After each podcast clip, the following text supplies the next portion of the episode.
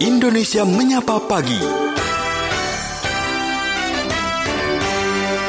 Pendengar di tengah-tengah menurunnya angka penderita COVID-19 di seluruh dunia dan dengan harapan pandemi ini segera berlalu, WHO kembali menerima laporan tentang adanya kasus penyakit cacar monyet dari negara non-endemis.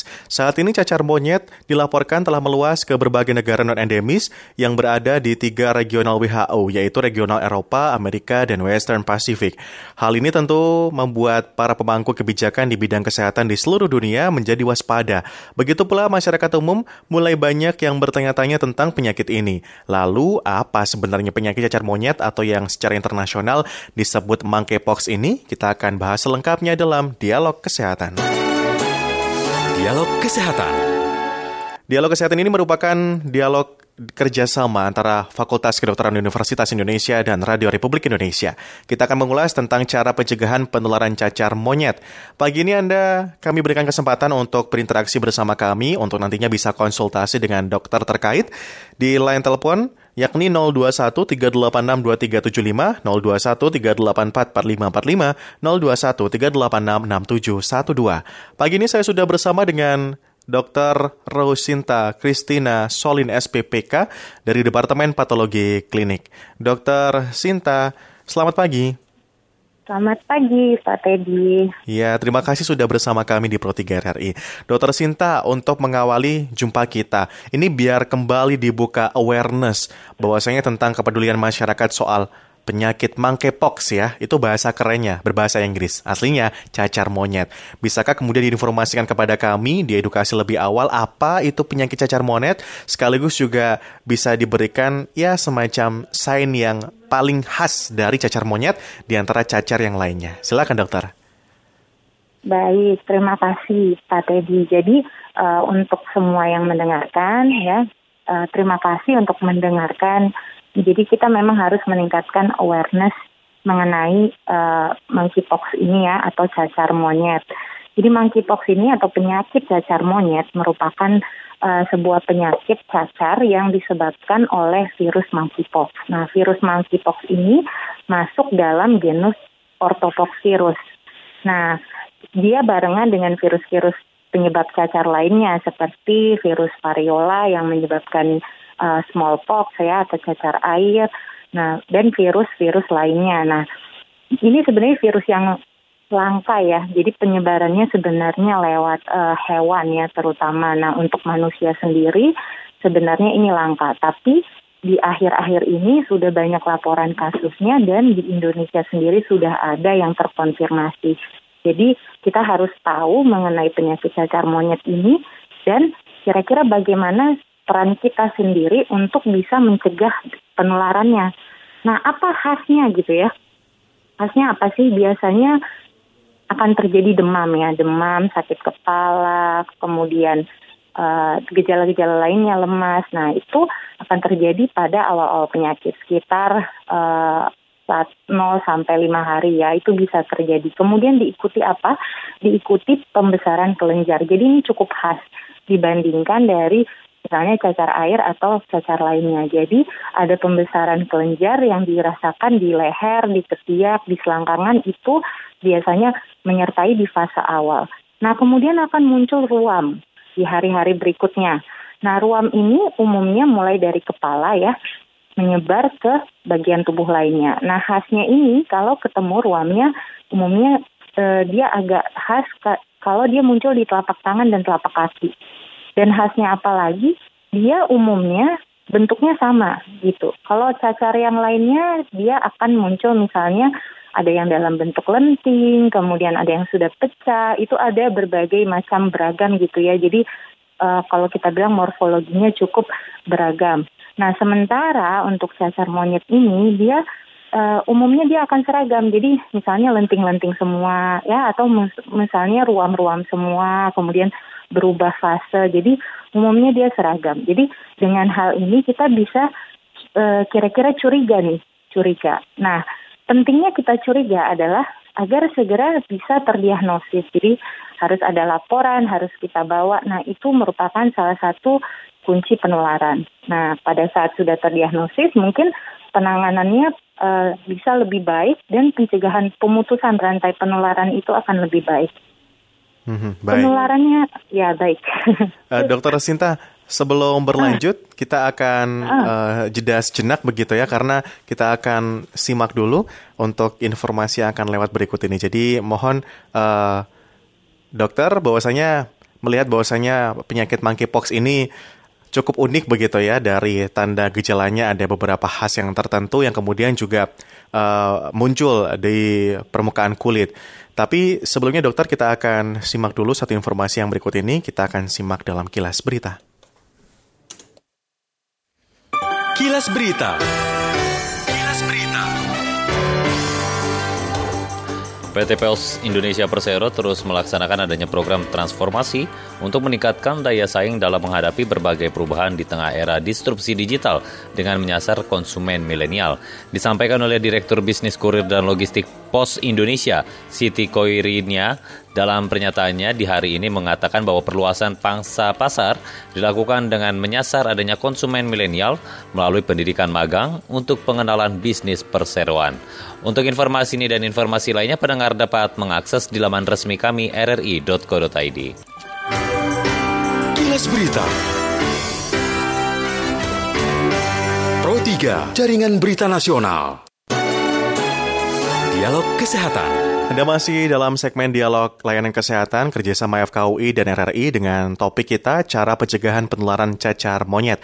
Dan saya masih bersama dengan Dr. Rosinta Kristina Solin SPPK dari Departemen Patologi Klinik. Dr. Sinta masih bersama kami ya?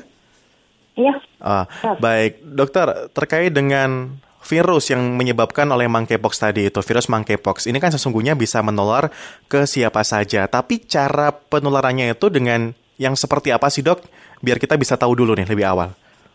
Ya, jadi cara penularannya uh, pertama itu adalah lewat kontak langsung terhadap hewan atau manusia yang terinfeksi. Nah, jadi kan tadi mis, uh, kalau misalnya ada uh, kita kecurigaan hmm. uh, orangnya ada lesi, nah dari ruam-ruam uh, yang di kulitnya itu itu akan mengandung partikel-partikel virus yang sangat infeksius.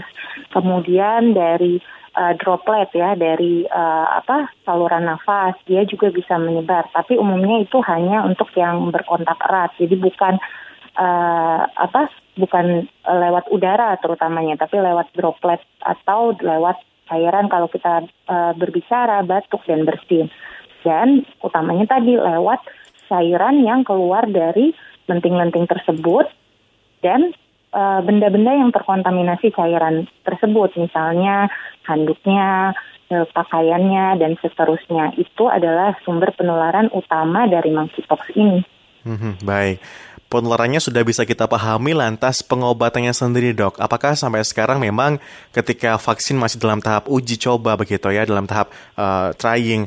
Tapi kemudian pengobatan yang dilakukan, ini kan uh, kalau bicara soal virus berarti kan uh, antibodi kita ya dok ya, yang kemudian harus ditingkatkan begitu, imun kita. Bagaimana kemudian pengobatannya dok? Iya, jadi untuk sampai saat ini sih memang untuk monkeypox ini kita belum ada baik antivirus khususnya maupun uh, obat yang langsung menargetkan uh, virus tersebut ataupun vaksinnya ya. Jadi uh, awareness kita perlu ditingkatkan dalam arti kita menurunkan uh, mencegah atau memutus rantai penularan tersebut. Nah, uh, sebenarnya angka kematiannya cukup rendah ya untuk virus cacar monyet ini sehingga uh, obat-obatan yang tadi yang uh, sudah disebutkan lebih untuk suportif misalnya uh, perilaku hidup bersih kemudian makanan-makanan sehat dan uh, perawatan dari uh, lukanya tersebut ya kan atau lenting-lentingnya agar tidak terjadi infeksi tambahan misalnya dari bakteri atau dari lingkungan sekitar jadi sebenarnya untuk uh, tata laksananya sendiri sampai saat ini adalah suportif untuk pasien-pasien tersebut karena kita menunggu recovery sendiri dari pasiennya hingga sampai 4 minggu. Kurang lebih demikian. Jadi memang untuk monkeypox ini uh, pencegahan dan uh, bagaimana cara kita untuk mencegah sampai uh, tertularnya itu sangat penting di sini karena memang untuk antivirusnya dan obatnya sendiri belum ada yang benar-benar menargetkan virus tersebut. Hmm, baik, Dokter Sinta, Mohon izin dulu kita kembali akan berikan kesempatan kepada pendengar ya. Siapa tahu ingin interaksi, pengen konsultasi langsung dengan dokter Sinta diperbolehkan ya dok. Ya, jadi untuk Anda pendengar boleh sampaikan ke line telepon 0213862375, 0213844545, 0213866712. Kita masih mengulas bagaimana dari penyakit monkeypox atau cacar monyet untuk bisa diputus sekaligus juga dicegah. Kali ini saya minta kemudian untuk Bu Indra di Cirebon begitu ya menyampaikan uh, pertanyaannya. Tapi kemudian saya pengennya to the point aja sih. Bu Indra di Cirebon, selamat pagi. Selamat pagi uh, Bung Teddy Yulianto dan Mbak Mei. Assalamualaikum warahmatullahi wabarakatuh. Waalaikumsalam. Pertanyaannya Ibu?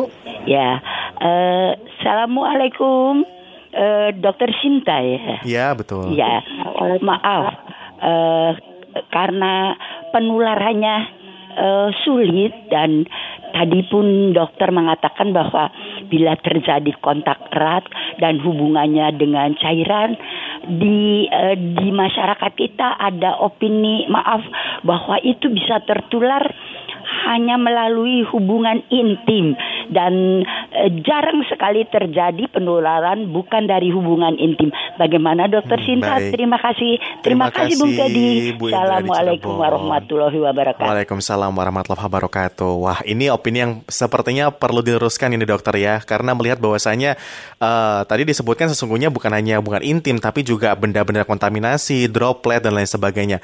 Boleh ditegaskan kembali dokter Sinta untuk bisa menepis kabar-kabar yang seperti ini. Iya, baik. Uh, bagus sekali ya pertanyaannya ya, Ibu. Jadi memang itu harus kita uh, apa kita uh, sebarkan ya informasi yang penting ini. Jadi agar hoaxnya itu tidak berjalan. Jadi bukan sekedar hubungan intim. Jadi uh, penyebarannya itu lewat tadi cairan atau dari ruam yang muncul yang itu yang sangat menular yang mengandung partikel virus. Jadi baik dari uh, bagaimana kalau kita memang harus merawat ya kita misalnya untuk droplet kita pakai masker ya kan? Kemudian dari ruamnya kita segera cuci tangan kalau sampai berkontak. Kemudian pakaian uh, tempat tidur handuk yang kemungkinan besar berkontak dengan uh, partikel virus yang dari cairan tadi itu juga kita langsung masukkan ke dalam uh, apa deterjen ya sehingga uh, penularannya bisa langsung dicegah Ya kurang lebih demikian ya. Jadi harus tegaskan kembali penularannya itu adalah lewat droplet ya, kemudian lewat cairan dari lesinya atau dari luka tersebut ya, dari lenting-lenting yang pecah dan kemudian dari benda-benda yang terkontaminasi dari cairan tersebut ya. Dari bagaimana cara mencegahnya ya tadi kita pakai uh, alat pelindung di diri kalau kita memang harus merawat atau misalnya memegang hewan yang kemungkinan uh, terinfeksi atau kita segera uh, apa lakukan perilaku hidup bersih dan sehat. Jadi tadi pakaiannya dicuci dengan baik ya, kemudian kita cuci tangan ya, itu akan sangat menurunkan penularannya. Hmm, baik, karena bagaimanapun mencegah lebih baik daripada mengobati ya dok.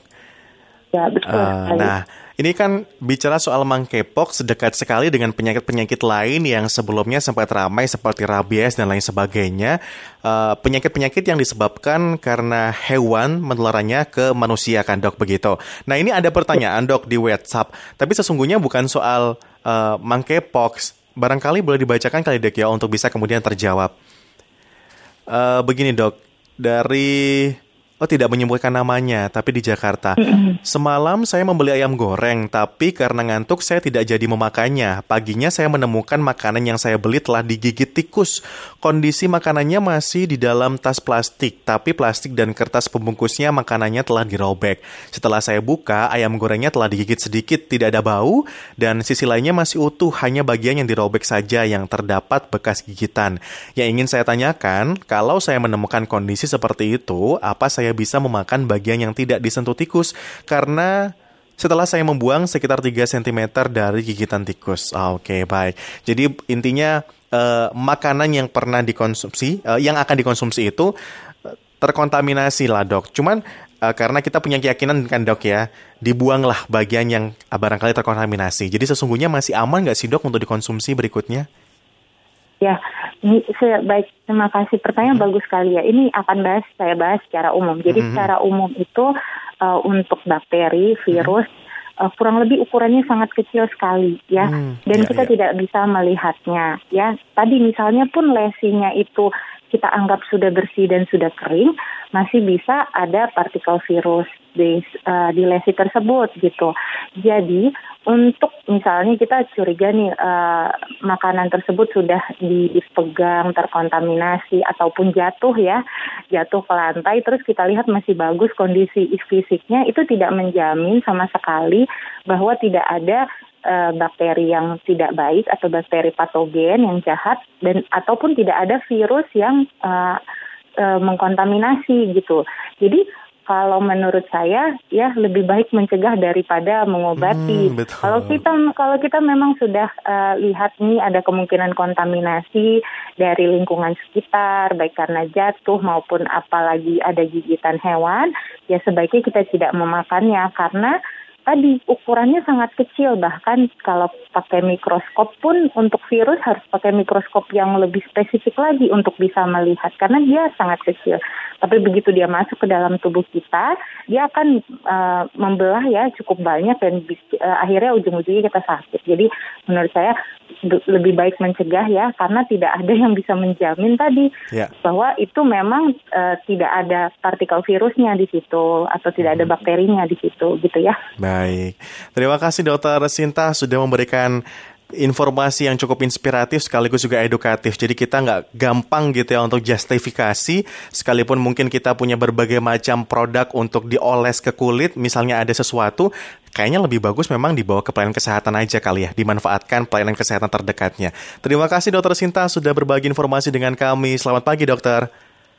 Terima kasih, selamat pagi, salam sejahtera buat semua. Ya, salam sehat dokter. Baru saja kita ikuti dialog layanan kesehatan kerjasama FKUI dan RRI dengan topik pencegahan penularan cacar monyet.